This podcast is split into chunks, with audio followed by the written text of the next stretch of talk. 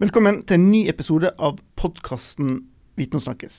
Nå er det like før 2018 er ferdige, og for omtrent et år siden, 27.12. så eh, 2017, da, så satt vi her. Afika-Trine, kan jeg kalle deg det? Afika-Trine. Flott. Og Sven Erik Mamelund, velkommen tilbake. Tusen takk. Eh, for et år siden så satt vi her og snakka om eh, influensa og pandemi og spanskesjuke og alt en kan dø i stor grad av. Det var en veldig hyggelig episode. Julestemning. ja, det var skikkelig julestemning. Det var eller, postjulestemning. Um, og grunnen til at eh, du var der og jeg her nå, var at det var, vi skulle markere 100 år siden spanskesjuka, og du er da ekspert på spanskesjuka. Eh, og du har da brukt hele 2018 på å snakke om spanskesjuka. Hvordan har det vært? Det har vært eh, fantastisk for en som eh, er nerd på spanskesyken og eh, er forelska i, det, i det temaet. Så eh, jeg har jo vært hekta på det i 23 år.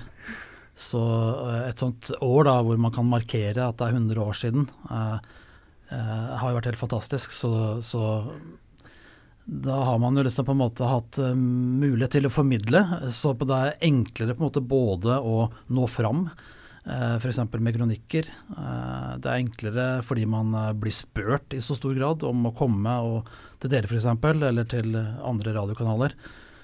Og du blir, blir spurt om å komme og holde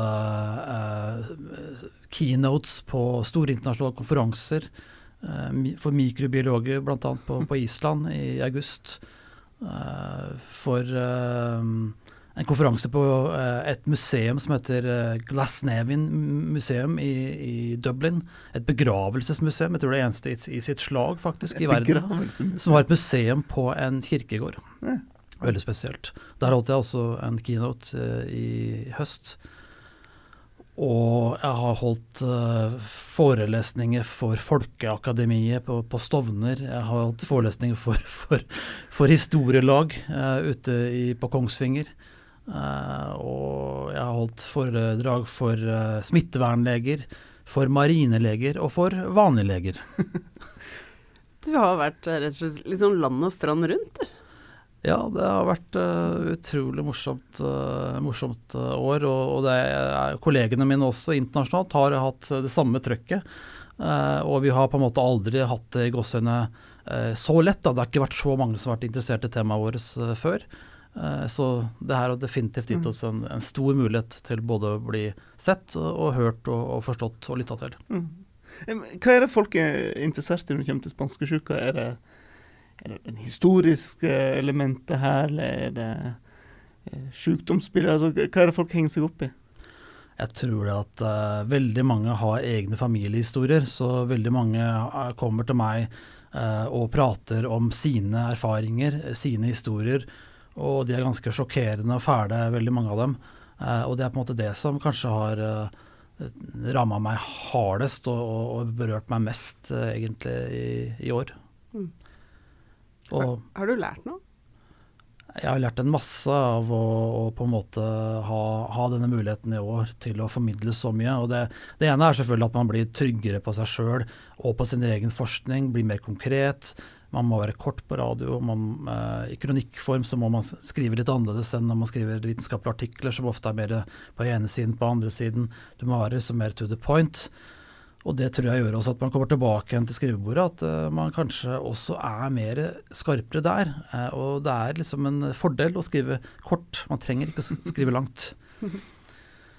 Og dessuten så har jeg på en måte fått uh, ja, så å si blåst liv en god del gamle ideer og data som jeg hadde, som jeg tok inn for over 23 år siden jeg først begynte å forske på spanskesyken, og ser liksom min egen forskning også i et litt annet lys enn det jeg Eh, enn det jeg gjorde da, eh, for 23 år siden. Så det er også på en måte lærdom minne meg selv. Kan ikke du fortelle, du, Nå kalte du det en forelskelse. Kan ikke du liksom gi oss det øyeblikket da dette oppsto? Det er jo en litt morbid forelskelse, du må innrømme det. Jeg innrømmer det.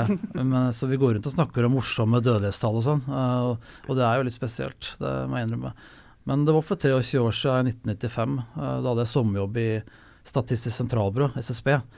Uh, og var ansatt for å lage en rapport om dødelighetsutviklingen i Norge uh, over de siste 150 årene. Og det som slo meg så hardt da, det var den ene første figuren jeg lagde i den rapporten, og den, den viste antall døde hvert år fra ja, I første omgang var det fra 1893 eh, og fram til 1993. Siste hundreårene da, der og da.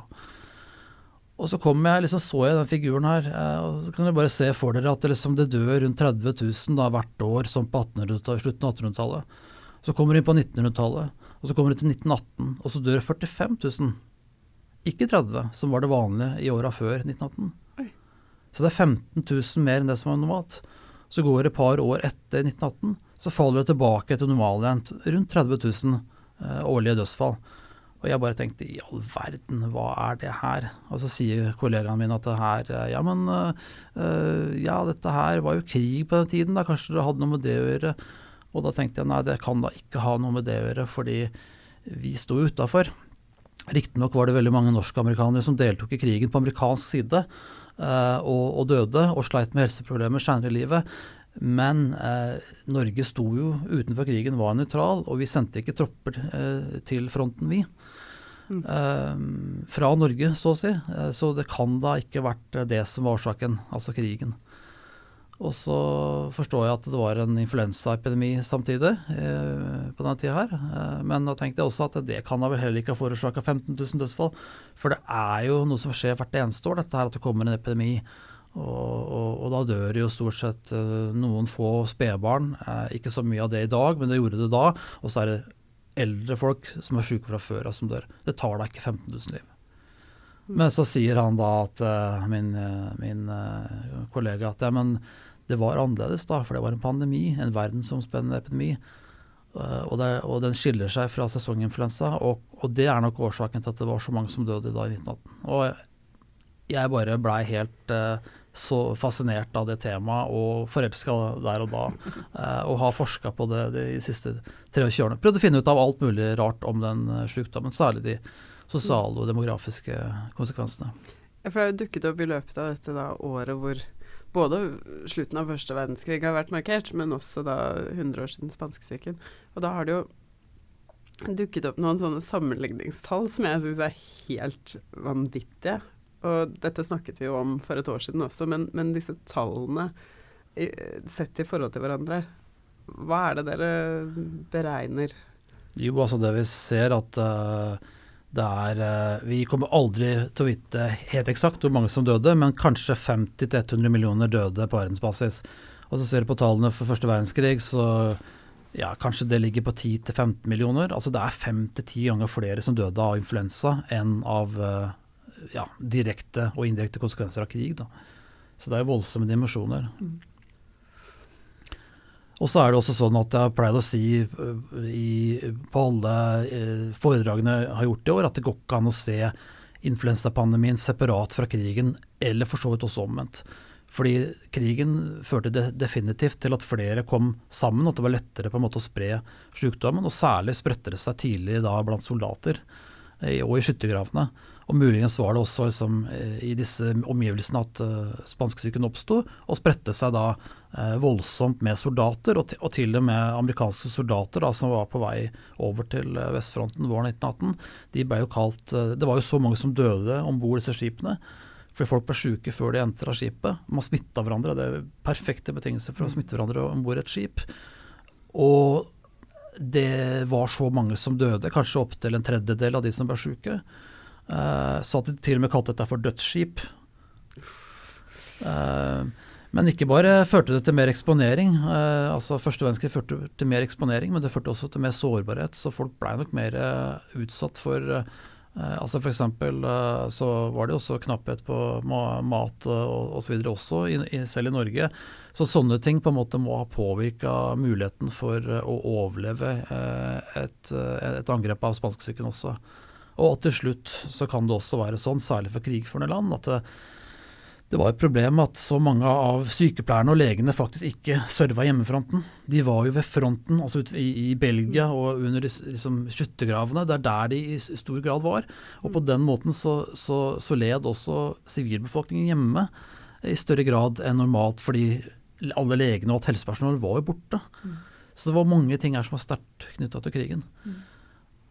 Og ikke minst skal du forske på dette her, så er du nødt til på en måte å se det fra spanskesykesiden også, hvis du f.eks. For er forsker på første verdenskrig.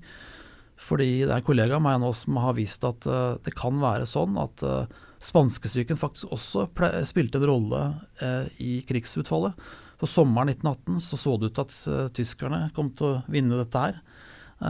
og allierte var faktisk kjempebekymra.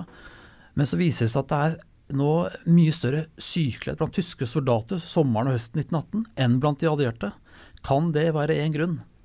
Ikke mm. sikkert det er den største grunnen, viktigste grunnen, men i hvert fall én grunn til at det gikk sånn at tyskerne til slutt tapte.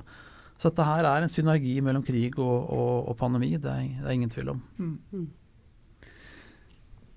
Sist gang vi snakka, så, så, var vi inne på dette temaet her at det, det, hvert hundre år så kommer en stor pandemi så skremte det oss litt. Og nå har det gått eh, vel 100 år siden forrige store pandemi.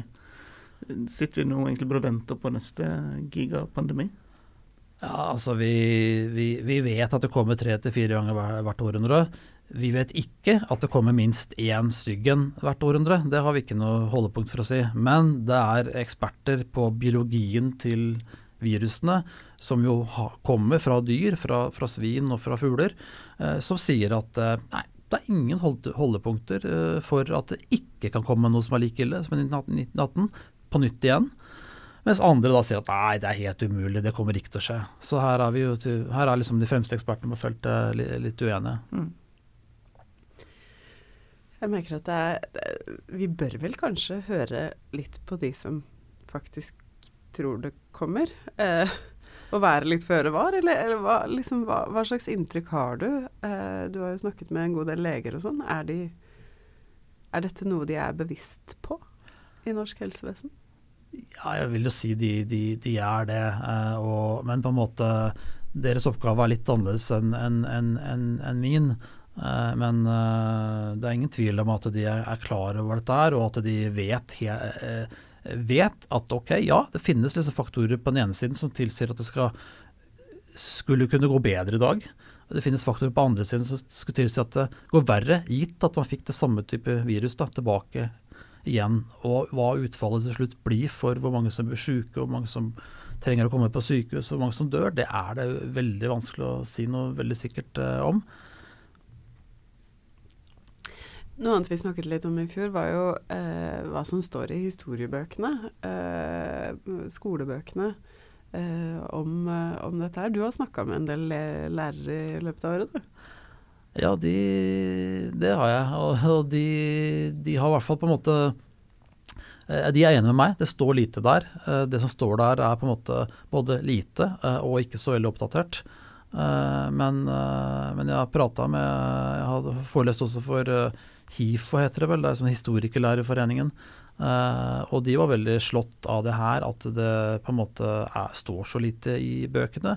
Men de brukte også dette her som en anledning nå, tror jeg, noen av dem i hvert fall, til å ta dette temaet opp i undervisningen. Uh, og i år så skal på en måte læreplanene uh, revideres, tror jeg. Liksom det er en uh, ny, ny giv på den fronten der blant lærerne. uh, og, og, folkehelse og mest, livsmestring. Det er liksom to temaer som de har tatt opp, og som de da har tenkt å bruke spanskesyken inn i å, som et eksempel da, inn i, inn i, undervisningen. da. Mm. Mm. Men du, nå som eh, passerer 2018 og 100-årsmarkeringen er over, eh, hva skal du ta deg til med nå? Har du nye planer, eller er det noen nye markeringer på gang som kan, du kan knytte forskningen din eh, opp mot? Ja, vi spansksyke forskere vi på en måte vil jo si til deg nå da at uh, virus de kjenner ingen De stopper ikke ved en toll eller en grense, landegrense. Og det stopper heller ikke ved et kalenderår. Og spanskesyken gjorde heller ikke det. Eh, det respekterte jo ikke eh, landegrenser og, og, og kalenderår og, og, måneder og uker og dager. Så spanskesyken eh, kom jo i tre-fire bølger og, hadde også et kraftig utbrudd omtrent på den tida her. Den tredje bølgen kom rundt juletider 1918. Og Australia f.eks. hadde jo ikke hatt spanskesyken i det hele tatt ennå. Så de kan markere så mye de vil neste år, i 2019. Uh, og spanskesyken var for så vidt heller ikke over i Norge før uh, utpå våren og eller ja, seinvåren, uh, seinvinteren våren uh, i 1919. Og så var det til og med en ekkobølge i 1920 med veldig høy dødelighet i Nord-Sverige og Nord-Finland bl.a. I Enare i Finland hvor 10% døde. og og i Arjeplog i, i, Sverige hvor 3 døde. Og dette er område, kjerneområdet til, til, til samene, til Sápmi. Og tilsvarende var dødeligheten også høy i Norge i 1918, så rundt 2-3 døde jo kjerneområdene til, til samene også. Så nei da, jeg tenker på eh, markeringsårene jeg er mer enn året. Sånn at eh, vi kan markere også i 2019 og til og med ut i, ut i 2020. Og jeg har heller ikke tenkt å stoppe å forske på dette, fordi eh, hodet på en måte har bare fått enda flere ideer i, i år, så vi, vi, slutter ikke av den grunn. Og jeg sa i stad at det var en, en eh, historie som, eh, som, slo meg veldig Altså disse individhistoriene har, har slått meg veldig. Og, og den her har jeg ikke for, har hørt uh, etter at jeg har hatt et foredrag, men, men det, jeg leste det i Stavanger Aftenblad i, i, i, høst.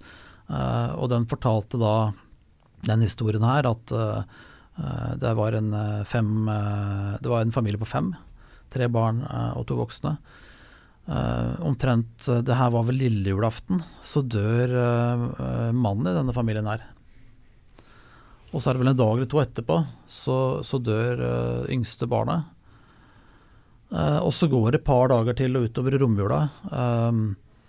Og naboene begynner å lure litt, fordi disse er da begravd, da, disse, altså faren i huset og det yngste barnet. Men så viser det seg at uh, moren blir borte, hun forsvinner. Uh, og politiet begynner å leite etter henne. Uh, naboene lurer på hva som har skjedd, ikke sant. Og så går det et par dager til. så finner de henne. hun er drukna. Hun har gått rundt i ørska og vært så fortvila etter at hun mista mannen sin og de yngste barna. Uh, og til slutt har hun blitt så syk av det at hun har gått og tatt sitt eget liv og uh, hivet seg i elva og drukna. Så liksom Et eksempel på, på hvor ille dette kunne gå, og disse to barna da som, uh, som da ikke har foreldre og har mista sin, sin, yngste bror eller søster, var det vel, da, ikke sant, kommer da på barnehjem. Så hvordan går det med disse barna seinere i livet? Det har jeg veldig lyst til å finne ut av. Jeg har veldig lyst til å finne ut av hvordan det går med enker som mister mannen Gifter hun seg på nytt? Eh, ikke sant? Må hun selge gården som hun hadde, fordi hun ikke har råd til å holde på gården? Må hun flytte? Ikke sant? Må eh, Føder hun et nytt barn for å kompensere for tapte barn? Sosial mobilitet kan på en måte være med å bøfre og gjøre ting som da var utrolig forferdelig trist og vondt. ikke sant? Så at er, alt blir ikke likt for alle disse som, som, overlever. Men det er det jeg ønsker å se, fokusere mer, mer, på nå. Ikke bare på de som har dødd, men på dem som overlevde, og særlig dem da som hadde det veldig tøft fordi de har vært gjennom sykdommen sjøl, og fordi de har da mista eh, sine kjære og nære. Hva tror du er å lære av disse historiene her i dag? Jeg tror det at um, uh, Ja, jeg har tenkt liksom om disse individhistoriene, at veldig mange av disse har jeg hørt fra før. Men jeg ser dem i et litt nytt lys uh, nå, egentlig. Eh, sånn som denne historien da, som jeg akkurat fortalte nå om, om, om, et selvmord. Og hvis dere tror da at det her var helt unikt, så, så, så var det neppe det. Altså, det er liksom en hel haug med anekdoter. Både fra Norge og fra mange andre land. Og det finnes et par studier uh, som har brukt liksom kvantitative data for å se om er det en sammenheng mellom økt dødelighet og sykelighet under spanskesyken på den ene siden, og økt selvmordsrate på den andre siden. Og det er én studie som viser at det er en sånn sammenheng. Det er amerikanske data det er snakk om her. Men vi trenger mer eh, studier her for å prøve å gjøre om alle disse familiehistoriene og anekdotene om til mer håndfaste, empiriske, eh, generelle slutninger om, om, det er en, en, sammenheng her mellom influensa og selvmord. Mm. For er det litt sånn at beredskap ofte handler om en ren sånn medisinsk, eh, fysisk helseberedskap, og at man overser de etterdønningene og på en måte sosiale og psykiske effektene av, av noe så omfattende? Det er jo virkelig ja, nesten litt sånn at man ikke orker å tenke på det. Nei, men Jeg tror du har rett i det. Men, men spanskesyken gir også på en måte en mulighet da, til å studere disse langtidskonsekvensene, fordi man på en måte, det er 100 år siden. ikke sant? Og mm. Man har faktisk ganske gode data eh, for Norge bl.a., hvor man kan se på sammenheng da mellom utbruddet av influensa i 1918 og både psykisk helse, fordi det er masse anekdoter om at det er folk som blir psykisk syke, og at det er flere som blir lagt inn på asylsykehus. Mm. Og rapportene da, legerapportene sier da at de ble lagt inn fordi de hadde gått gjennom influensa. Eh, men det her på en måte er ikke liksom noe etablert uh, sammenheng i, i, litteraturen, så man trenger liksom å gjøre, den, gjøre, om den anekdoten også til mer håndfaste empiriske uh, ja, la oss si bevis. da. Uh, og tilsvarende også så er det masse anekdoter om at folk blir fattigere, og at sosial ulikhet forsterkes da, av pandemien. At det er mange som sliter økonomisk etterpå. Men det også er gjort veldig lite forskning på. Så jeg tror liksom det er på en måte det disse individhistoriene kan bidra til, det er på en måte liksom å, å, å, prøve også å samle dem opp da, på et litt høyere nivå, og prøve å forstå dem på en måte litt breiere. Eh, litt utover den familiekonteksten da, og, og, og, anekdotene da, i hermetegn, kan du se. Det høres ut som både en uh viktig jobb. fordi eh, det har jo vært litt sånn ditt mantra hele veien, at uh, spanskesyken er viktig nettopp for å på en måte kunne være beredt på, på neste. Er det fortsatt litt sånn du jobber? Ja, jeg tenker, tenker det er tospann her hele tida, egentlig. at jeg tenker at ja, det er på en måte ikke nok. Det, altså, jo, det er for meg jeg har det for så vidt vært nok på mange måter å, å, å være interessert i spanskesyken i seg selv fordi det er så spennende. Men man må se det her i sammenheng med beredskap. Uh, og du har rett i at uh, man kanskje har tenkt veldig uh, ja, biologisk om dette her, på en måte om beredskap, og at jeg i liten grad på en måte har kanskje tenkt på langtidskonsekvensene, de sosiale konsekvensene, økonomiske konsekvensene, og hvordan folk får det etterpå. Det på en måte står det lite om i, beredskapsplaner. Det er liksom ikke det man tar høyde for. Det er liksom alt det tekniske hva skal man gjøre når dette skjer? Hva, hvilke liksom, systemer skal settes i gang der og da, da, under pandemien? Men på en måte beredskapen sånn sett eh, tar, ikke noe særlig høyde hva som, for hva som skal skje etterpå, etter f.eks. en veldig alvorlig pandemi, som vi for så vidt da er nødt til å forberede oss på også. da, så Man, man er nødt til å forberede seg på, på det verste også i beredskap. Eh, Sven Henrik, tusen takk igjen for at du ville komme og, og, og dele all din kunnskap om uh om spesielt spanskesjuka. Uh, så for, altså vi får sånne retriever, sånn mediasøkerapporter. Det er ikke en tvil om at du har vært på tidenes turné denne eh, dette året her. Så jeg regner med du trenger litt ferie nå. Jeg ser veldig, veldig fram til ferie uh, og har planer om å prøve å holde meg uh, unna. Det er én levering til før jul, så uh, men dessverre så er den eh, deadline eh, på nyttårsaften. Eh, så det, det, blir nok noe i jula òg, og det er en levering på spanskesyken. Ja. Men jeg skal prøve å få mest mulig eh, fridager i jula. Det håper jeg virkelig du får. Eh, og til deg som hører på, hvis du har lyst til å lære mer om eh, spesielt spanskesjuka, så kommer vi til å lenke opp til litt, litt ulikt å lese på. Og så kommer vi òg til å lenke opp til den episoden som vi hadde for, for et år siden. Det var episode 118 som vi lanserte, eh, publiserte 27.12. Så du kan høre mer om, om Jeg husker vi snakka om utbredelsen av spanskesjuka og hvordan ja, bevegelsen mm. På kontinentet og inn i Norge og hvordan dette skjedde. Så får du enda flere detaljer mm. der. Så bra. Og så må du huske å abonnere selvsagt på podkasten. Og så jeg Katrine, det er ikke sikkert vi skal si god jul ennå, for jeg tror vi skal klare å snike inn en episode til etter denne her. Og så er det god jul. Ja. ja. Høres det ut som en plan? Det høres ut som en veldig god plan. da snakkes vi. Ha det bra. Ha det godt.